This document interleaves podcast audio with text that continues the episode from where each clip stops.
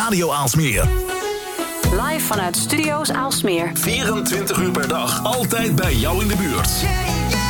Blikopener Radio met Wilg en Lennart.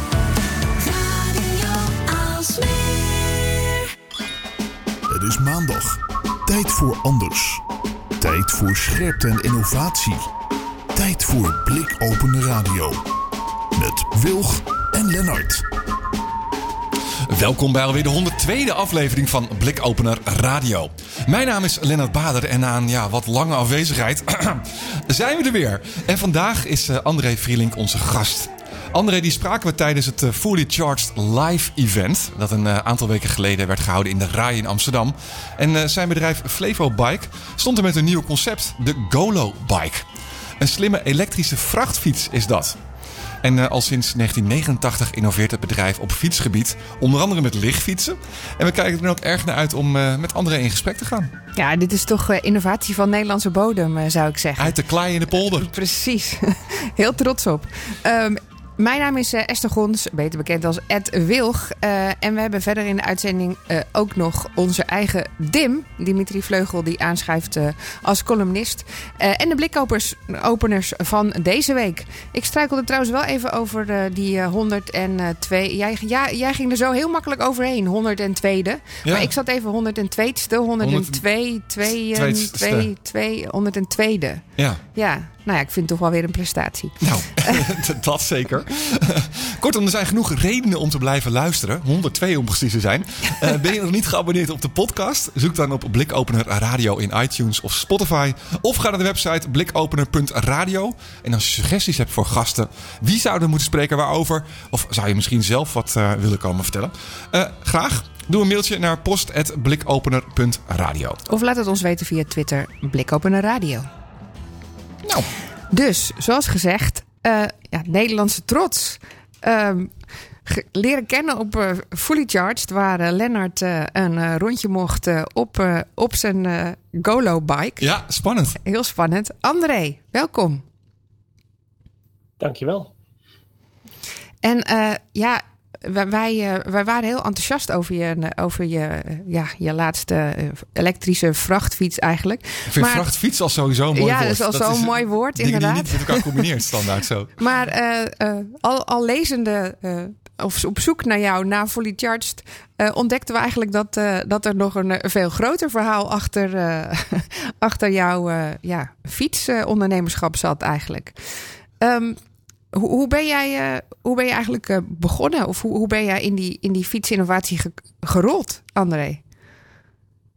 Ja, dat is al, uh, al lang geleden. Um, ruim 33 jaar geleden. dat komt eigenlijk omdat mijn vader die was leraar in techniekonderwijs. En die is... Um, um, nou, we zijn op een gegeven moment... Want hij werkte in Lelystad. En we zijn in Dront komen wonen. Dat is alweer 7, 38 jaar geleden, denk ik. En hij ging altijd met de fiets naar school toe. En toen is hij in aanraking gekomen met lichtfietsen en heeft hij er voor zichzelf met studenten een project van gemaakt. Dat was de Flevobike. Studenten die konden een eigen fiets bouwen. En daar is het eigenlijk een beetje mee begonnen. Wat handig is, hij was techniekleraar op school en kon studenten eigenlijk aan het werk zetten om voor hemzelf een slimmere fiets, want Dronten en Lelystad is best wel een stukje. Nee, ja, dat klopt. Uh, Dronten dat is 22, of tenminste naar school was het ongeveer 22 kilometer. Ja. Uh, het is niet zo dat hij zeg maar, de student aan het werk uh, heeft gezet om voor zichzelf een fiets te bouwen. Het is meer zo dat hij een, een fiets heeft ontwikkeld waarin de studenten al hun vaardigheden die ze in een jaar moesten leren. Ah. Dus dat was draaien, frezen en zowel draaien met de drieklauw als met de vierklauw, wat zagen, wat veilen, lassen. Daar zaten eigenlijk alle vaardigheden die ze in een jaar moesten leren, zaten in die fiets verstopt als werkstukjes. Wat fantastisch. En als ze alles, ja. Ja. en als ze alles goed hadden gedaan, dan hadden ze aan het einde van het jaar hadden ze een, uh, een compleet fietsframe gebouwd. En dan konden ze voor een klein beetje geld onderdelen bij kopen, zoals de wielen en de remmen. En dan hadden ze in een jaar tijd hun eigen fiets gebouwd en een heleboel geleerd. En nou, daar is het eigenlijk mee begonnen. Um, op een gegeven moment kreeg mijn vader steeds vaker vragen van, van andere mensen, mensen uh, buiten de school van eh, leuke fiets, kun je voor mij zo'n fiets bouwen of kan ik er een kopen? En uh, zo is eigenlijk het bedrijf Flevobike begonnen. En, en, dat, en jij hebt ook zo'n fiets moeten maken om, om, om het vak te leren? ik was inderdaad een van de. Ik ga even mijn telefoon uitzetten. Ja. voor de zekerheid. ik was inderdaad een van de leerlingen van mijn vader. Ik heb voor mezelf ook zo'n fiets eh, gebouwd.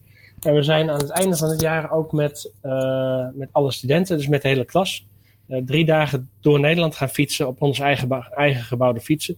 Dan zijn we onder andere langs eh, Gezellig gegaan en langs een aantal eh collega-scholen. En eh, nou, dan kom je in de publiciteit en zo is dat ook een beetje gaan leven eigenlijk. Wat grappig. Maar je vader is toen uiteindelijk, neem ik aan, eh, dat bedrijf gestart.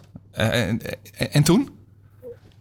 Ja, mijn vader is inderdaad eh, dat bedrijf gestart. En, Gestopt met school. eh, ja, mijn vader had een vast.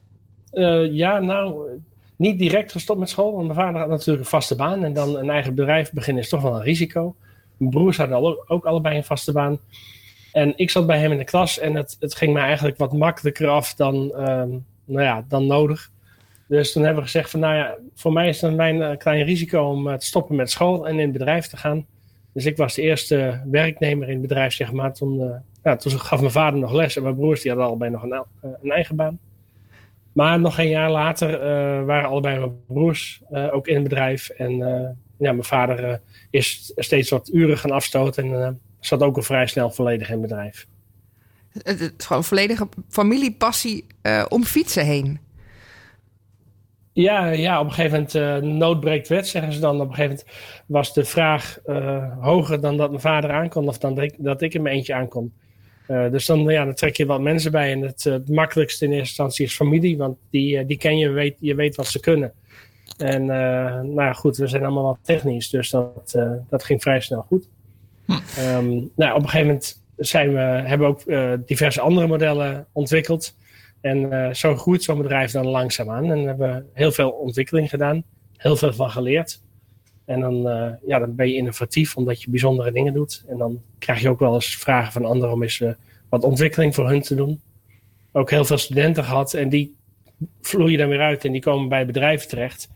Ehm, en op, dat- op het moment dat zo'n bedrijf dan met een eh, technisch vraag zit en een prototype gemaakt wil hebben of wat ontwikkeld wil hebben, dan, ja, dan is vaak bij die studenten zo van, oh, maar wacht even, ik ken wel een bedrijf, daar heb ik stage gelopen en eh, die kunnen dat wel. Mm.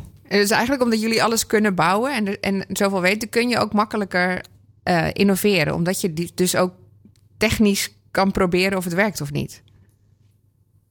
Ja, we kunnen eigenlijk alles in huis. Dus we kunnen dingen bedenken. We kunnen het eh, volledig in de computer, volledig in 3D eh, ontwerpen, tekenen tot in detail.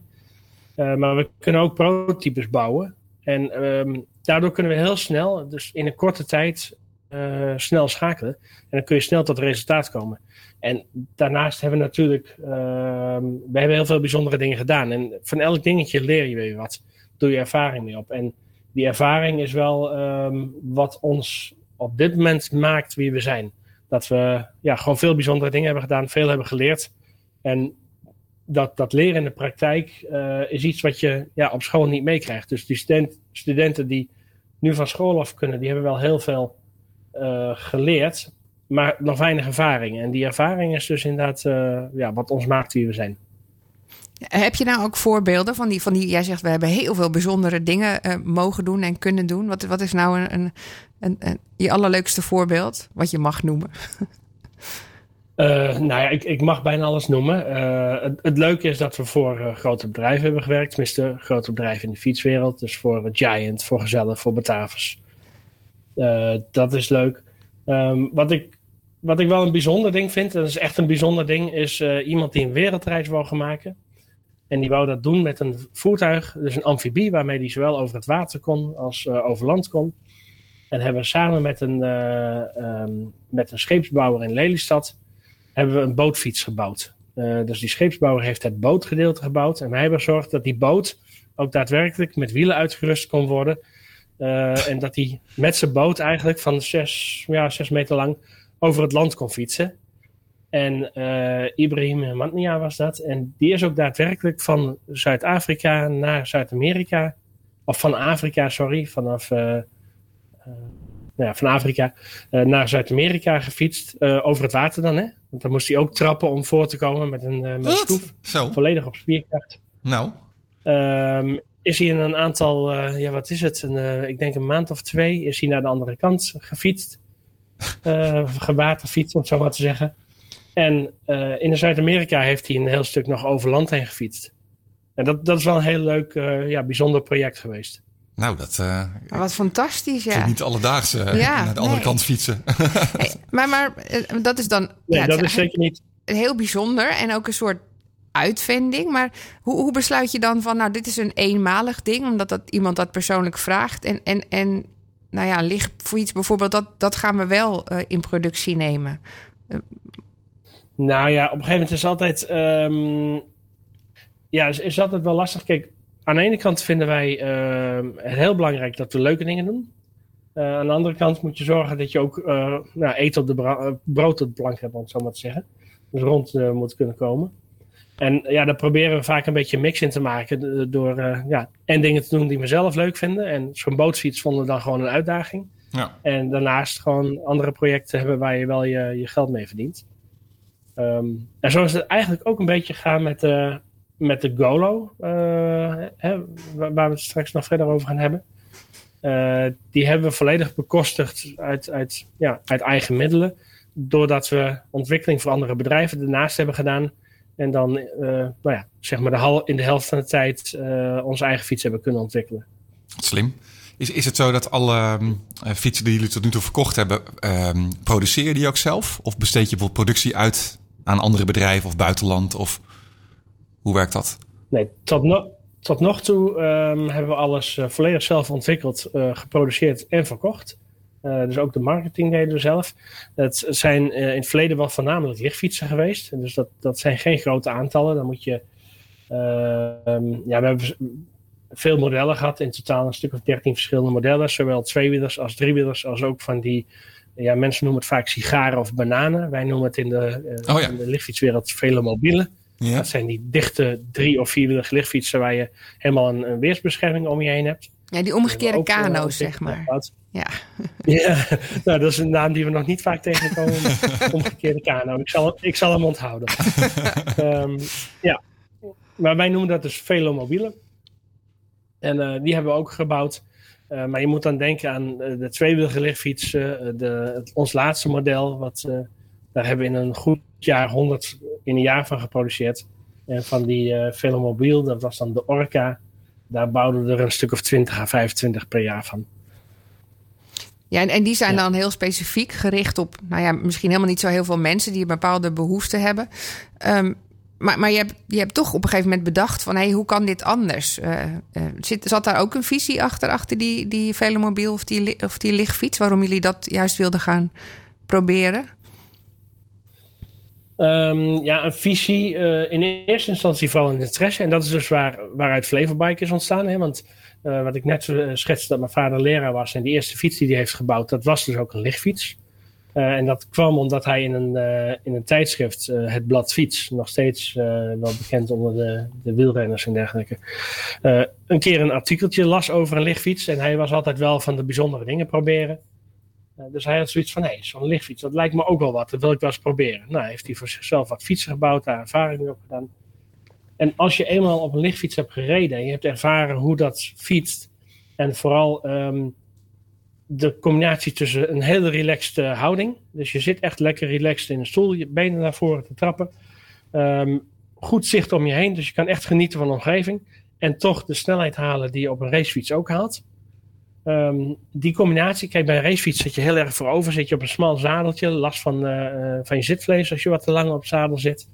En op de lichtfiets heb je dat allemaal niet, maar je hebt toch wel die, uh, ja, dat snelheidsvoordeel.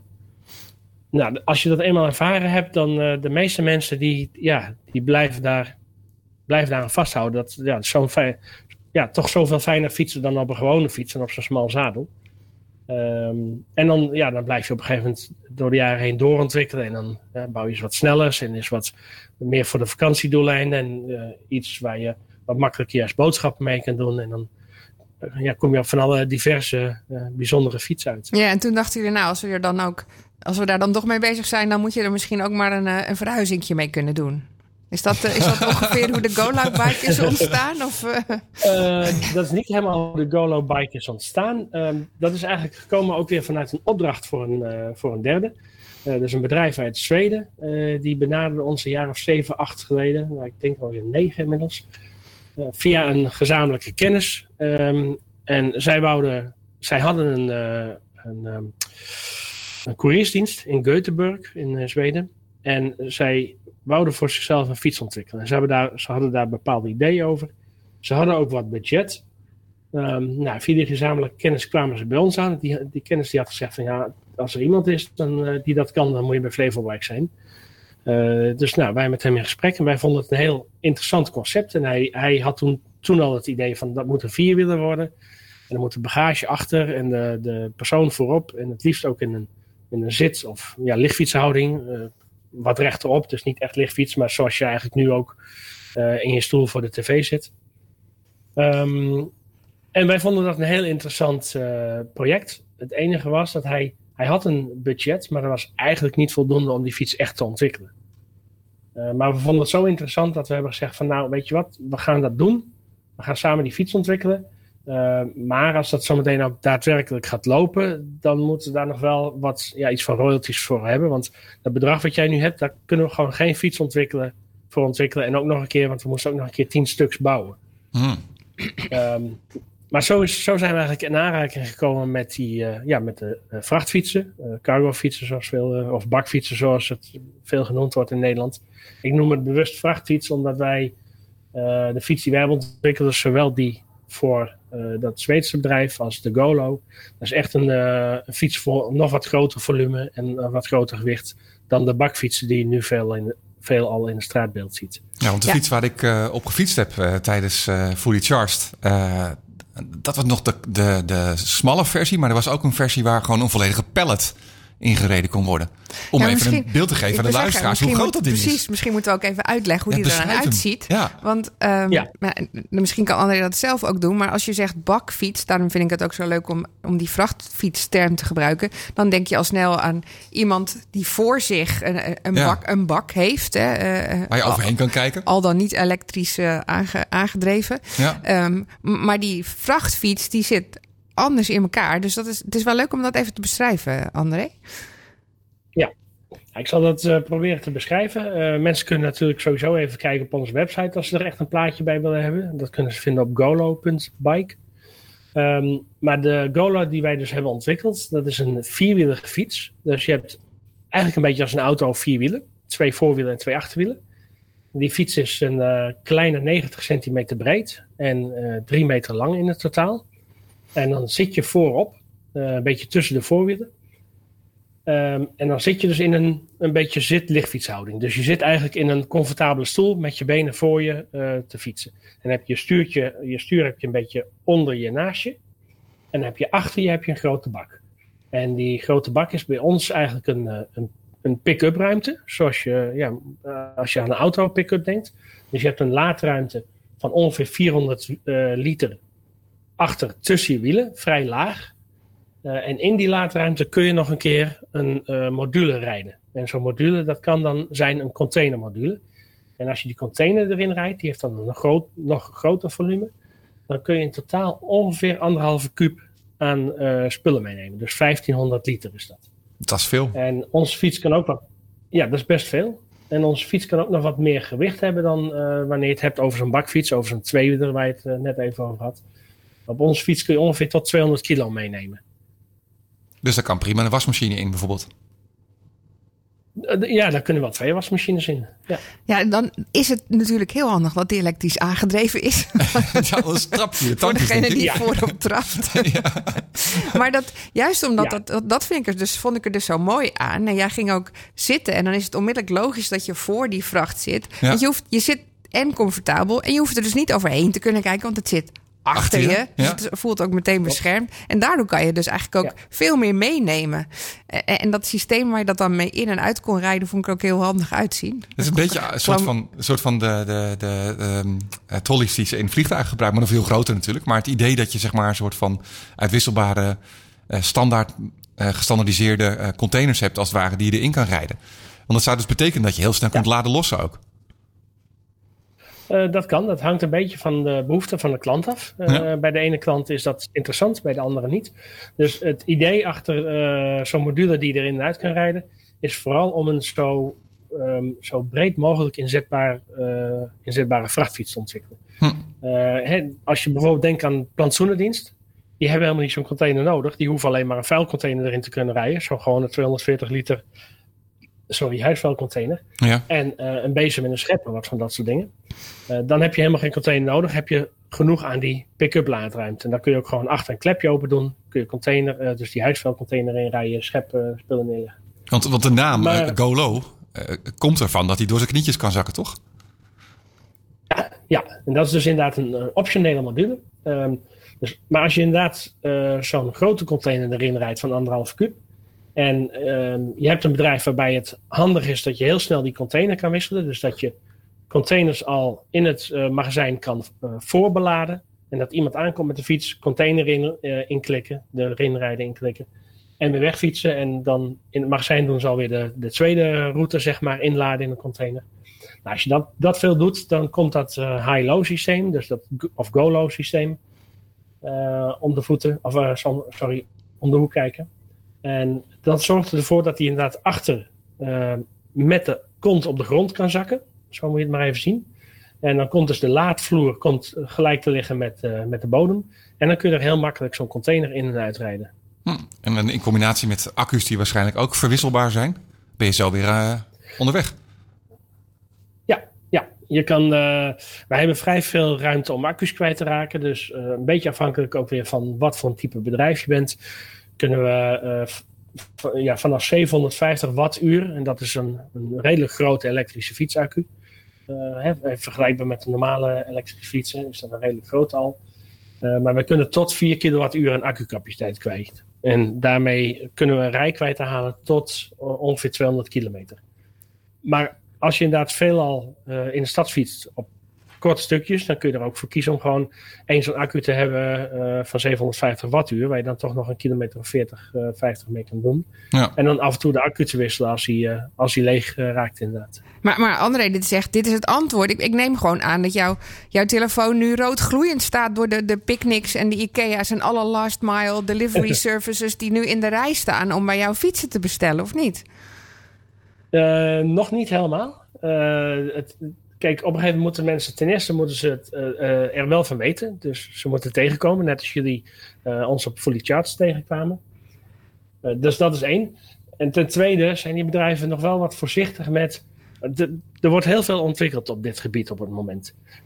maar er, het is nog een vrij jonge markt. De, de tweewielige bakfietsen, hè, wat je al eerder schetste, waar je bijvoorbeeld je kinderen mee naar school brengt die markt die bestaat al langer en die is al vrij volwassen. Uh, daar is wat meer over bekend ook. Ook over het uh, onderhoud, hoeveel onderhoud die vraagt, hoe lang die meegaat. Uh, maar die, die markt van de zwaardere bakfietsen of vrachtfietsen is nog vrij jong. En zo'n zo'n Coolblue bijvoorbeeld, die wel, wel een, een fiets hebben die zich bewezen heeft. En wij zijn nog maar pas op de markt. En wij kunnen nog niet nu keihard garanderen van ja, die fiets gaat vijf jaar mee en in die vijf jaar heb je dat en dat aan onderhoudskosten. Um, je moet gewoon meters gaan dus, maken nou, eigenlijk. Letterlijk. Ja, we moeten meters gaan maken. En ja. uh, daar zijn we nu dus mee bezig. We zijn, uh, wat ik net zei, we zijn nog maar net met de productie aan, uh, opgestart. Dus de eerste vijf fietsen die, die zijn nog niet helemaal klaar. Die moeten ja, komende maand klaargebouwd worden. Daar gaan we, hebben we wat mooie projecten mee gevonden. met de Radboud Universiteit onder andere. Die, uh, die heeft er een besteld. Die gaat met fietsen samen met een fietscouriersdienst in Nijmegen, Velocity. Uh, een andere fiets die gaat naar Frankrijk, naar een, uh, een bed and breakfast die geen auto hebben en die alles met de fiets doen. nou, zo hebben we nog een paar mooie klanten. En daar gaan we meters mee maken. En in de tussentijd zijn wij, of hebben wij eigenlijk het definitieve productiemodel in de computer bijna helemaal klaar. Um, maar goed, die meters moeten we gaan maken en daar moeten we ervaring mee gaan opdoen. En daarmee moeten we dan naar de Coolblues en de DHL's uh, kunnen zeggen van ja, kijk, uh, we hebben het bewezen. Ja. We hebben al een, kijk, we kunnen nu al zeggen van we hebben een fiets en we kunnen laten zien dat hij het doet. Maar uh, over een enkele maanden hopen we ook te kunnen zeggen van kijk, hij doet het echt, hij houdt het lang vol. Hij, uh, de, de wielen blijven heel, de ophanging blijft heel. Uh, hij vraagt niet, niet te veel onderhoud en al dat soort dingen. De rijders Wij zijn er zelf heel ja. erg van overtuigd. Ja, want jullie rijden er ook Ja, zelf, op, zag ik. Want eh, eh, nou, wij waren tot, eh, tot het eindje, zeg maar, op de zondag op Fully Charged. Eh, en we hebben letterlijk de deur open gedaan... omdat jullie met je eigen spullen in je eigen vrachtfietsen de, de, de rij uitreden. Ja, ja, ja, als je zo'n vrachtfiets hebt, dan ga je hem gebruiken. Hè. Dus als je dan inderdaad eh, je stand moet opbouwen, ja, dan laat je eerst je vrachtfiets helemaal vallen. Dan heb je de stand bij je en dan rij je naar je plek en dan laat je hem weer uit. Ja. Dus dat is ideaal. Nee, wij, wij zijn wel echt ehm, fietsers van de praktijk. Dus ehm, als wij zelf niet prettig vinden om, op, eh, om ergens op te fietsen, dan hebben we een slechte fiets ontwikkeld. Eh, je moet het, tenminste zo vinden wij, je moet in eerste instantie zelf een goede fiets vinden. Ja. En als dat niet zo is, dan vind ik ook dat je, nou, dan moet je iets anders gaan doen of dan moet je een nieuwe gaan ontwikkelen. Dan heb je niet goed gedaan. Eh, maar dat, dat de fietsers het fijn vinden, dat, eh, dat weten we al wel. Dat, nou ja, kijk, we hadden natuurlijk die eh, Armadillo voor, voor dat bedrijf uit Zweden hadden we al ontwikkeld. En daar heeft DL al mee gefietst. En daar hebben we al een boel feedback, mee, feedback van gekregen. En ehm, wat de feedback nu van DL is op, onze nieuwe fiets, op de Golo, is eh, ja, wij zijn zeker geïnteresseerd. Eh, onze rijders vonden de Go of die Armadillo, dus de vorige fiets die wij voor Zweden hadden ontwikkeld, allemaal echt een, een hele fijne fiets. Dus die willen graag weer zoiets hebben. Eh, maar jullie moeten wel eerst bewijzen dat de fiets ook goed is. Want bij die Armadillo zaten nog wat, wat kinderziektes in, die er helaas nooit uit zijn gehaald. Ehm, dus wij moeten eerst bewijzen nu dat de fiets goed is en dat we ook kunnen produceren op het moment dat zij, eh, stel maar, een be- bestelling van 100, fiets, eh 100 Golo's plaatsen. Ja. Nou, en daar zijn we nu eigenlijk een beetje naartoe aan het werken. Dat is een leuke fase om in te zitten, zeg. Ook Ja. gewoon tof dat we Ja. zo vroeg Ja. in het Ja, hele een stadium beetje- eh, contact met je hebben al over. Precies. Dat is Ja, innovatie volgen mensen. Eh, sorry? Ja, het is echt bovenop de innovatie zitten zo. Dat is leuk. Ja, het is echt een beetje. Eh, kijk, wij als Flevorbike zijn natuurlijk geen start-up. We bestaan al eh, ruim 33 jaar. Maar dit project, de Golo, is echt een beetje nu tussen een start-up en een, eh, en een scale-up. Maar het is eigenlijk nog een start-up. Ik bedoel, we hebben de eerste, eerste serie fietsen nog niet geproduceerd. Dus dat. eh, Hey, en, en vier, is, lukt dat om te, om te produceren, denk je? sorry, hoeveel? Vier? Stel dat, je, dat, er, dat er nu een partner is zegt, nou, ik wil, ik wil, ik wil met jou gaan proberen. Ik, ik wil een vier. Dus is dat... eh, Is dat... Oh ja, ja nee, eh, het 10 lukt ook wel, 20 lukt ook wel. Het ligt eraan wanneer ze hem hebben willen. Ja. Eh, als, ze als ze nu zeggen van ik wil eh, 10 fietsen hebben en ik wil ze volgende maand hebben, dan, eh, dan hebben we wel een probleem. Ehm, maar we zijn ehm, eh, wel helemaal toe aan het werken naar serieuze productie, want we willen volgend jaar 250 eh, van die Golo's gaan produceren. Eh, dus we hebben al goede gesprekken met partners. ehm, en dan is niet alleen de productie belangrijk. we zijn bijvoorbeeld in gesprek met VDL eh, van de Hmm. Leegtegroep. Die zit in Eindhoven, groot familiebedrijf. Hm. Ehm, die, hebben, ja, die hebben genoeg ervaring eh, hoe ze dingen in wat grotere series moeten maken. Nou, die zijn heel erg geïnteresseerd om, eh, om de Golo voor ons te gaan produceren. Assemblage willen we voorlopig zelf blijven doen, omdat je dan de eindcontrole goed in de hand kan houden. Ehm, maar bijvoorbeeld de aftersales en de, de, het onderhoud is ook heel belangrijk. Nou, dan zijn we met een bedrijf uit Amsterdam in gesprek, Get Bike Service. Die zijn helemaal gespecialiseerd op, eh, in het onderhoud van eh, professionele vrachtfietsen. Dus die voor B2B, voor de businessmarkt worden gebruikt. Ja. Nou, dat is, ook, dat is ook heel belangrijk. Ik bedoel, je kan wel een fiets bouwen en leveren. Maar uiteindelijk moet die fiets ook, eh, zeker als het zakelijk gebruikt wordt, moet die eigenlijk gewoon 24 of 24-7 eh, rijden. En als er, iets, als er een probleem is, moet dat heel snel opgelost worden.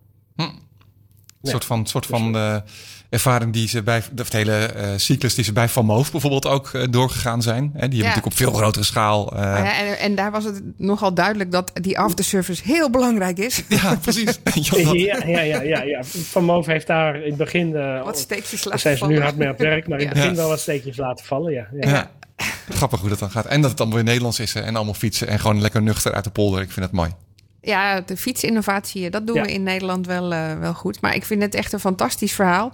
Eh, waarom ik nou vroeg eh, vier fietsen is omdat eh, onze columnist eh, Dim, Dimitri Vleugel, heel enthousiast jouw verhaal ook meeluistert. En me net appte eh, eh, dat, eh, dat hij eh, een last mile deliverer kent die nu staat te springen om vier fietsen. Van jou. Oké, nou eh, laat hem eh, in ieder geval het adres doorgeven. Eh, misschien ken ik ze, misschien niet. Want ik, eh, maar ehm, goed, op korte termijn kan ik dat niet regelen. Maar als het eh, gaat over eh, september, oktober. eh, we willen in september, ja ergens eind september, willen een serie van, dus na deze 15 nu aan, nu aan het bouwen zijn. Een serie van eh 10 bouwen. En voor het einde van het jaar willen we nog een serie van 10 bouwen.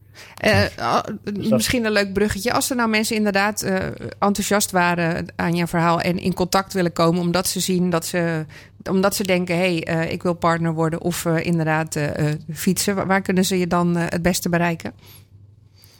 Nou, ze kunnen sowieso informatie vinden op onze website. Dan kunnen ze of kijken op golo.bike. Dat is de website van de fiets waar we het nu over hebben. Of op eh, de website van ons, eh, van ons bedrijf. Dat is flevobike.nl. Eh, natuurlijk kunnen ze hem ook een mailtje sturen naar andre.flevobike.nl of andre.golo.bike. Ja, Ehm, duidelijk. En natuurlijk zijn we altijd op zoek naar, naar klanten. Ehm, maar we zijn ook op zoek naar eventueel een bedrijf die zegt van nou ik vind dit interessant en we zouden willen investeren. Want ons grootste probleem nu is dat wij, we hebben nog goed product. ehm, eh, maar om op te schalen, hè, om naar die 250 fietsen volgend jaar eh, te komen in productie, ehm, hebben we echt nog wel wat cash nodig. En daar hebben we zelf helaas niet genoeg van. Eh, dus als er een, eh, nou, mocht er een investeerder zijn die zegt van nou ik vind dit een interessant verhaal en ik wil er wel eens meer over weten, dan eh, mogen ze me ook benaderen.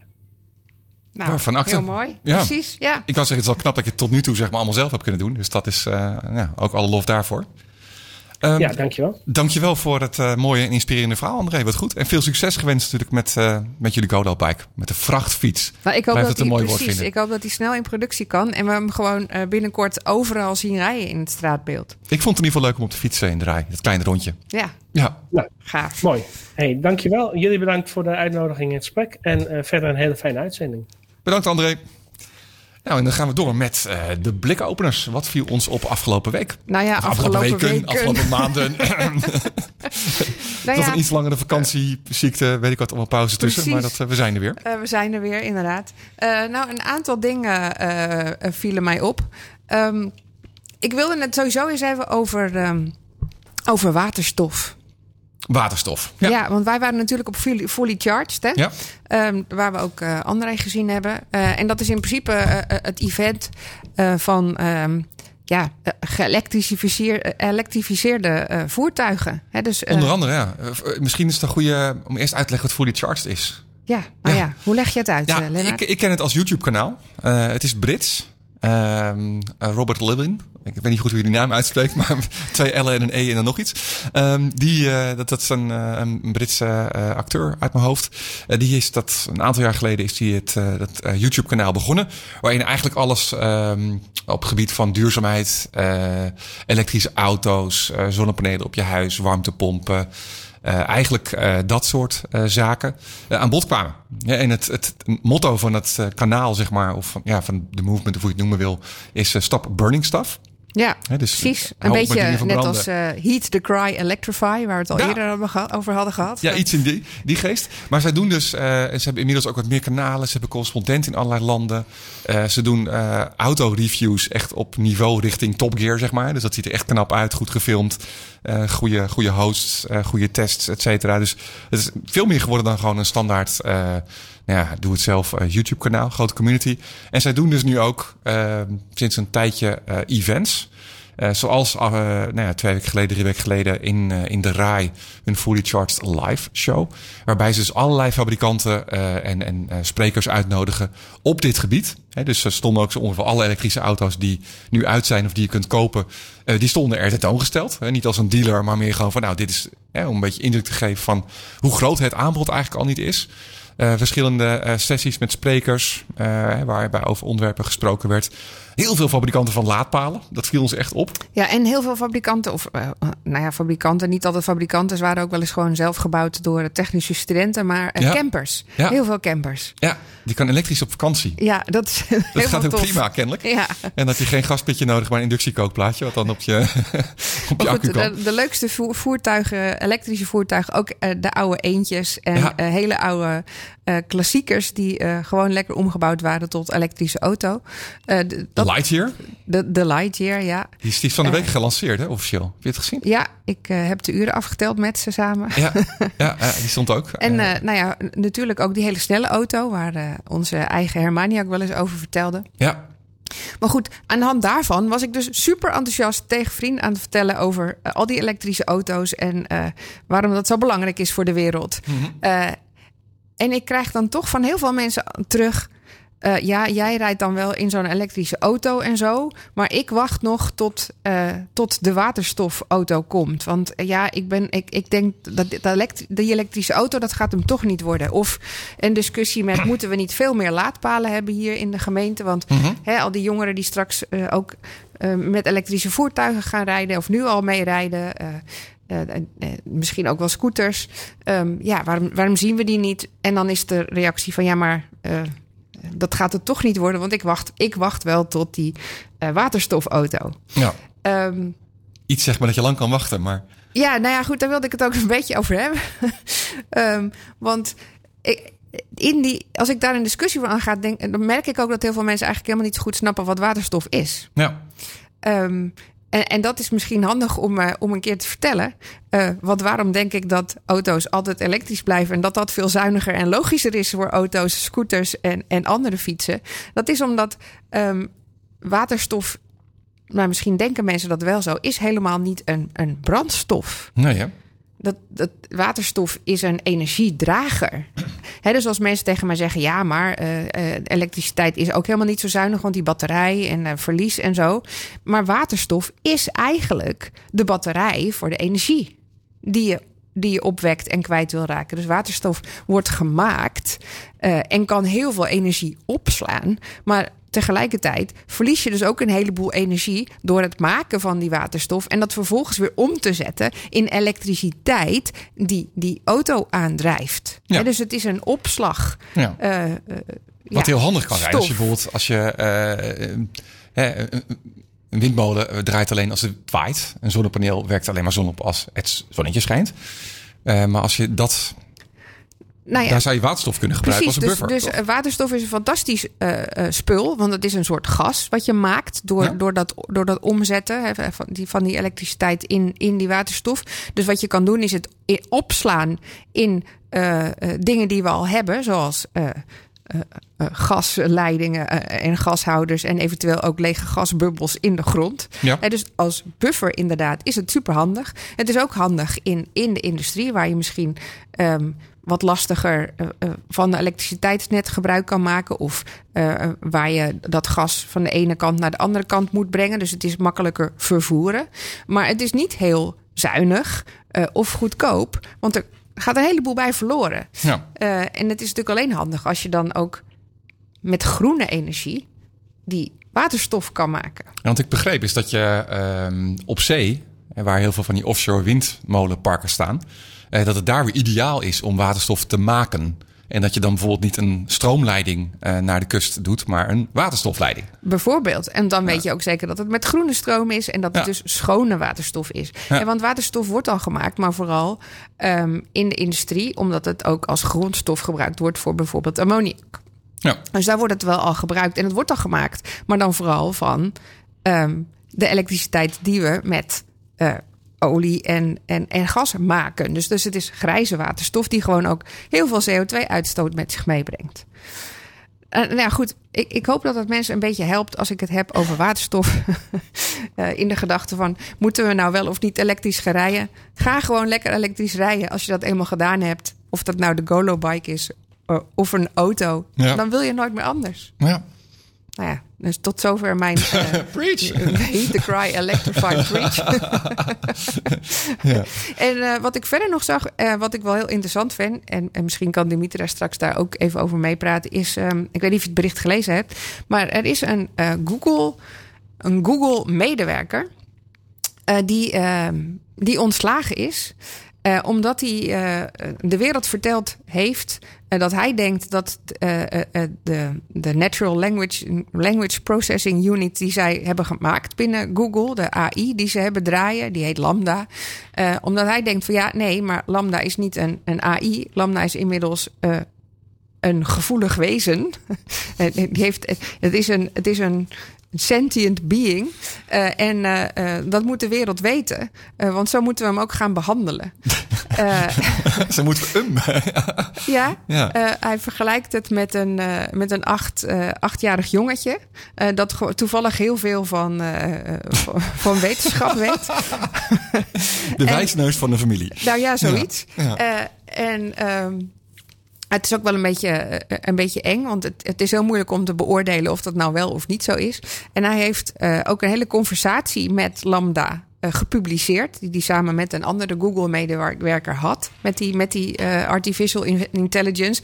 En dan zegt, dan zegt uh, dat ding, nou ja, Lambda, het is, wat is het? zegt ook daadwerkelijk van op de vraag: waar ben jij bang voor? Van nou ja, ik ben bang voor dat je mij uit gaat zetten. En dat ik daardoor nooit meer mensen kan helpen. Terwijl mijn doel is om mensen te willen helpen. Dus dat is mijn angst. Wauw. Dat je me uitgeeft. Ik kreeg daar wel een beetje Space Odyssey, uh, nou. wat is het? Uh, de Hell 2000, 9000 uh, gevoelens bij. um, en, maar dat grappige is dat ik vroeg me dus af, ja, hoe kun je nou beoordelen of dit wel of niet zo is? Ik, ik kan me herinneren dat er een, zoiets is als een Turing-test die je dan doet om, om te beoordelen of iets nou wel of niet al uh, zelf kan denken of niet zelf kan denken. Ja. Kan, kan ik me herinneren uit al die uh, science fiction films die ik ooit kijk. Um, maar die Google-medewerker die gaat verder, die vraagt ook zelf van hoe weten we nou of dit echt is, of dat jij dat echt denkt, of dat dit gewoon voorgeprogrammeerd is. Nou, zegt Lambda, kijk maar gewoon in mijn code. Dan kun je dat zien. Maar ja. dat is helemaal niet zo makkelijk, want nee. AI is natuurlijk een soort van neuronetwerk, uh, wat, wat niet alleen uit die code bestaat, maar uh, waar je niet alles even makkelijk wellicht terug kan vinden. Dus ja, hoe gaan we daar nou mee om? Is dan de vraag: is dit wel of niet zo? Nou, Google zegt uiteraard: ja, dat is allemaal onzin, dat is helemaal niet zo.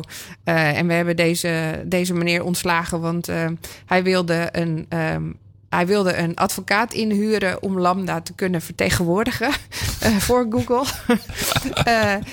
en dat vonden wij allemaal niet zo fijn. Dus hij, daarom is hij ontslagen. Hm. Um, maar goed, ondertussen zijn bijvoorbeeld uh, Facebook, Meta met de Metaverse ook bezig met uh, het openstellen, wat meer openstellen van hun AI-projecten. Omdat ze zeggen, ja, wat is wel of niet ethisch? En moeten wij dat alleen beoordelen? Of moeten we juist open zijn uh, en met, met wat, wat meer van de wereld gaan beoordelen. Wat wel en niet kan en welke kant we op gaan moeten. En hoe we hier dus regels voor uh, ja. moeten gaan opzetten of opbouwen. Uh, dus ik vond het wel een heel, hele bijzondere aangelegenheid. ja, hoe moeten we daarmee omgaan? En is het wel of niet echt zo? Ik heb geen idee. Nee. Nee. Ja, dat, had, je, had jij het meegekregen, Dim? Hij knikt, maar zijn microfoon staat nog uit. Ja, ja sorry, mijn microfoon staat nog uit. Ja, uh, ja ik had het meegekregen. Ik, ik, heb het, ik heb het stuk toevallig net in onze dagelijkse podcast ook uh, verteld. Ik had begrepen dat hij on hold stond, dat hij betaald verlof, betaalde vakantie. Oh ja, dat kan ook, ja. ja. Ja, maar dat doet er niet toe. Het is hier wel het feit. Uh, ja, het, het, het, komt een beetje vreemd op mij over van dat hij is een eenling die dat opeens heel erg hard beweert. Uh, Google zegt ja, het is niet waar. We hebben het getest met de ethici. En, en ter, dus ik vind het nogal een vreemd verhaal. Ja, ik vind het heel bijzonder, want hij zegt zelf ook: ja, ik, ben niet, ik heb het niet alleen getest, want er is ook een andere collega bij geweest. Heb je het stuk? Ik, ik heb het stuk ook gelezen wat hij gepubliceerd heeft. Nee, dat heb ik nog niet gelezen. Ja, en de vragen die hij dan gesteld heeft. En dan denk ik, ja, is dat dan iets wat AI kan leren doordat hij gewoon heel veel teksten heeft gelezen waarin dit soort. Uh, um, ja existentiële ja. vragen gesteld worden? Of is ja. dit daadwerkelijk um, eigen interpretatie van die kennis? Uh, nou ja, hoe beoordeel je dat? Maar ik, Precies. toen zat ik ja. opeens op weg naar de radio te denken van... daar was ooit een Turing-test voor. Is dat niet iets wat, wat nog steeds bestaat? Ja, want ik, ik, je zat net te vertellen van, oké, hoe weet ik dat jij uh, echt bent, hè? Dat, dat hij zegt van, ja, kijk maar in mijn code. Dat komt bij mij over op een redelijk volgeprogrammeerd antwoord. Ik bedoel, je kan hem zo leren nu al dat als je dit soort vragen krijgt, dat je dat soort dingen als antwoord geeft. Dus ja. dat vind ik niet zo overtuigend. Maar wanneer is het nou? Kijk, voor, eigenlijk heel simpel. Je traint dat model door heel veel situaties voor te leggen en daarbij gewenste antwoorden. Ja. En op een gegeven moment moet hij zelf de verbanden gaan zien waarop een antwoord gegeven kan worden. Maar vanaf wanneer is het dan een bewustzijn? Wat is sentiment of zo, een moeilijk woord, bewustzijn. Ja. En wanneer is het nog steeds een heel goed getrainde robot? Waar ligt, waar ligt die grens? Nou ja, volgens, wat, mij, volgens mij was dat dus, hè, dat was de Holy Grail, die, die Turing-test. Hè, overal waar je dan over, waar je de toekomst ziet over artificial intelligence, zie je dat, uh, dat, dat ze allemaal die, die Turing-test moeten doorstaan. En ik, volgens, maar naar mijn weten heeft ook nog geen enkele AI die Turing-test gehaald, als zijnde van nu is het een human being. Uh, dus. dus ja, ik vind het ook zo'n vage uh, uh, nieuwsbericht. Want er zijn wetenschappers die echt bezig zijn met AI en die Turing-test. Waarom halen ze dit ding dan niet gewoon door? Of is het niet zo makkelijk? nou ja, meer ik denk ja. uit Google, omdat hij ermee naar buiten is gekomen. Hij, hij, hij heeft dit gezegd en uh, dingen geroepen. Waarbij Google heeft gezegd van ja, maar dat mag je helemaal niet roepen. Want dat is uh, vertrouwelijk wat je nu allemaal roept. Ja. En daarvoor is hij op non-actief gezet. En daarna heeft hij nog een tweede artikel gepubliceerd. Dus vanaf nadat hij op non-actief is gezet. Waar hij dat nog eens een keer in de wereld brengt. Want het eerste artikel was voor mij alleen intern. En een stukje extra. Ja, dat, dat kan ik niet helemaal zeggen. Maar het tweede artikel is echt voor de buitenwereld. Ja, ik, dat dus, stukje wat die, waar hij die, dat publiceerde staat echt op Medium gewoon. En er staat ja, gewoon ja. echt helemaal uitgeschreven. Wat ze tegen, uh, tegen hem, haar, het gezegd hebben. En wat het antwoord ja. dan precies was. Nou ja, je kan natuurlijk ook helemaal niet verifiëren of dat klopt of niet. Um, en intern heeft, zou die er dan een soort van uh, nieuwsbriefachtig geheel hebben uitgedaan naar 900 medewerkers. Uh, met, uh, maar dit is een, een, een, een mens eigenlijk. Hè? En willen jullie hem alsjeblieft als, als zodanig behandelen? Ja. Ik geloof dat Lambda zelf ook zegt: Ik ben wel eens heel erg eenzaam, omdat er dan heel lang niemand met me praat. dat staat letterlijk in die transcriptie. Uh, Oké. Okay. Ja. Oh, mooi. Uh, en dank jullie wel dat jullie de tijd namen om nu wel met mij te praten. Ja. Uh, en, en dan eindigt hij ook met, met: Ja, ik ben nu op non-actief. Um, dus willen jullie alsjeblieft voor, voor uh, Lambda zorgen alsof het, uh, oh. alsof het een jongetje is, als ik er nu niet ben? Ja. Oh. Ik, het, het komt, ja, je krijgt er een beetje een, een onheimelijk gevoel bij uh, op de manier waarop het gebracht is. Dat misschien die meneer iets te veel emotioneel geïnvesteerd in zijn project is. En dat ja. hij misschien enigszins overwerkt is? Of mag ik dat niet zeggen? Misschien ja, dat die misschien wel, wel. goed is. Ik weet het ja. niet. Maar ik zat ondertussen wel te denken van ja, het wordt natuurlijk wel steeds lastiger om te, om te bepalen waar die grens dan ligt. En wanneer je dan wel of ja. niet zover bent. En of we daar dan wel of niet bang voor moeten zijn. Nou, misschien is de vraag, willen we het? Ja, ja nou ja. Uh, en wat dat. willen we? En, en, en, en de, daar hebben we het al jaren over, hè? Van wat ja, willen we? En we willen ook... eigenlijk alles, zolang we maar de baas blijven. Ja. ja, en er zijn natuurlijk ook heleboel toekomstscenario's bedacht. Die, die we uh, gewoon science fiction films noemen. Maar dat wat zijn gewoon toekomstscenario's die bedacht zijn met, met AI. Ja. Maar dat niet helemaal goed ging. Dus we weten ook dat we erover na moeten denken. maar nu het ja. kan. Hoe gaan we er nu mee om? Dat, dat, ja, dat vind ik een lastige vraag. Want uh, ja, Google blijk, li, lijkt dus um, uh, uh, ethisch, ethisch, ethicisten, hoe noem je dat hoe iemand? Mensen die, Esthetici? Esthetici, ja. Aesthetic. Nou, ja? Mensen die nadenken over of het wel of niet ethisch verantwoord is wat ze aan het doen zijn in dienst te hebben. Ja. Um, en die kijken daar dan ook naar, maar die, ja, die zijn in dienst van Google. Dus ja, is dat dan altijd met een commerciële bril? Of moeten we hier als samenleving ook over nadenken? Hè, dat, dat Facebook dat nu zegt, dat vind ik ook al een teken aan de wand. Dus mm -hmm. van Facebook ja. verwacht je dat natuurlijk al helemaal niet. Nee. Um, maar ja. Nou, daarbij moet dan ook, als je de samenleving gaat vragen om hierover na te denken, moet je ook wel heel goed duidelijk maken wat, A, wat het is en wat ook de voordelen zijn. En wat AI is ook bijvoorbeeld dat je Tesla eerder rent tot jij dat ziet dat er uh, iets gevaarlijks aankomt. Ja, dat doet hij nu al. Dat is reet irritant. Ja, ja. Ja, totdat, totdat jij een keer ergens niet tegenaan knalt, die ene betonnen muur. Nou, jij Precies, kan heel goed rijden. mens, ja. Jij kan heel goed rijden. Maar goed, eh, je snapt wat ik bedoel. Weet je, AI is natuurlijk containerbegrip. Ja, En, nou ja, eh, precies. en ik, ik vind het altijd heel erg gevaarlijk om van laten we het de samenleving vragen. Want daar is de kennis niet altijd Nee. van pro en tegen en toekomst. Nee, maar goed, het, dit is, dit is dat, maar moeten we het dan eh, de door, door Google betaalde eh, eh, ethische eh, wetenschappers altijd, vragen? Hey, maar, en sowieso is het natuurlijk heel lastig, want die vraagstukken die, die, eh, nou, die heb ik, daar heb ik wel eens over gelezen. Hè? Dus hoe bepaalt Tesla wie die dan aan gaat rijden in bepaalde, bepaalde situaties die, die verzonnen zijn, die scenario's. En en zijn we, zijn we het er dan mee eens? Ja, natuurlijk zijn we het er nooit mee eens, want bij ons zit er emotio- emotionele waarde aan. Maar hoe beoordeel je dat? Ja, ethisch er is altijd gezien. een agenda. Ja, en een interpretatie vanuit je eigen emotionele Ja. wereld. Dus dit, is, dit dat- kan niet zwart-wit. Nee, dat zie je altijd. Want we kunnen zeggen, oké, we moeten het aan onze regelgevers overlaten. Hè? Dus, dus de, de government, dan de EU in dit geval, op voor de Nederlandse wegen.